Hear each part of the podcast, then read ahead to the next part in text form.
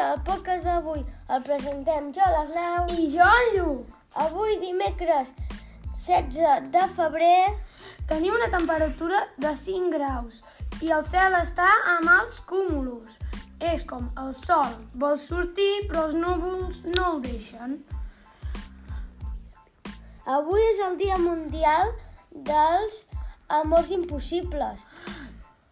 Saps què són, Lluc? Sí, jo sé què són els amors impossibles. I tu? Um, no. Els amors impossibles són, per exemple, tu, si vols ser, per exemple, amic d'algun dibuix animat, però no, però no pots. Però... Tu tens algun amor impossible, Lluc? Sí, jo, sí, jo tinc un amor impossible. Uh, M'agradaria ser molt amic dels Teen Titans, però no puc perquè són uns dibuixos. Què són els Teen Titans? Els personatges que surten són en Robin, uh, la Starfire, la Raven, uh, en Cyborg i en Chico Bèstia. Ah. ah, és veritat!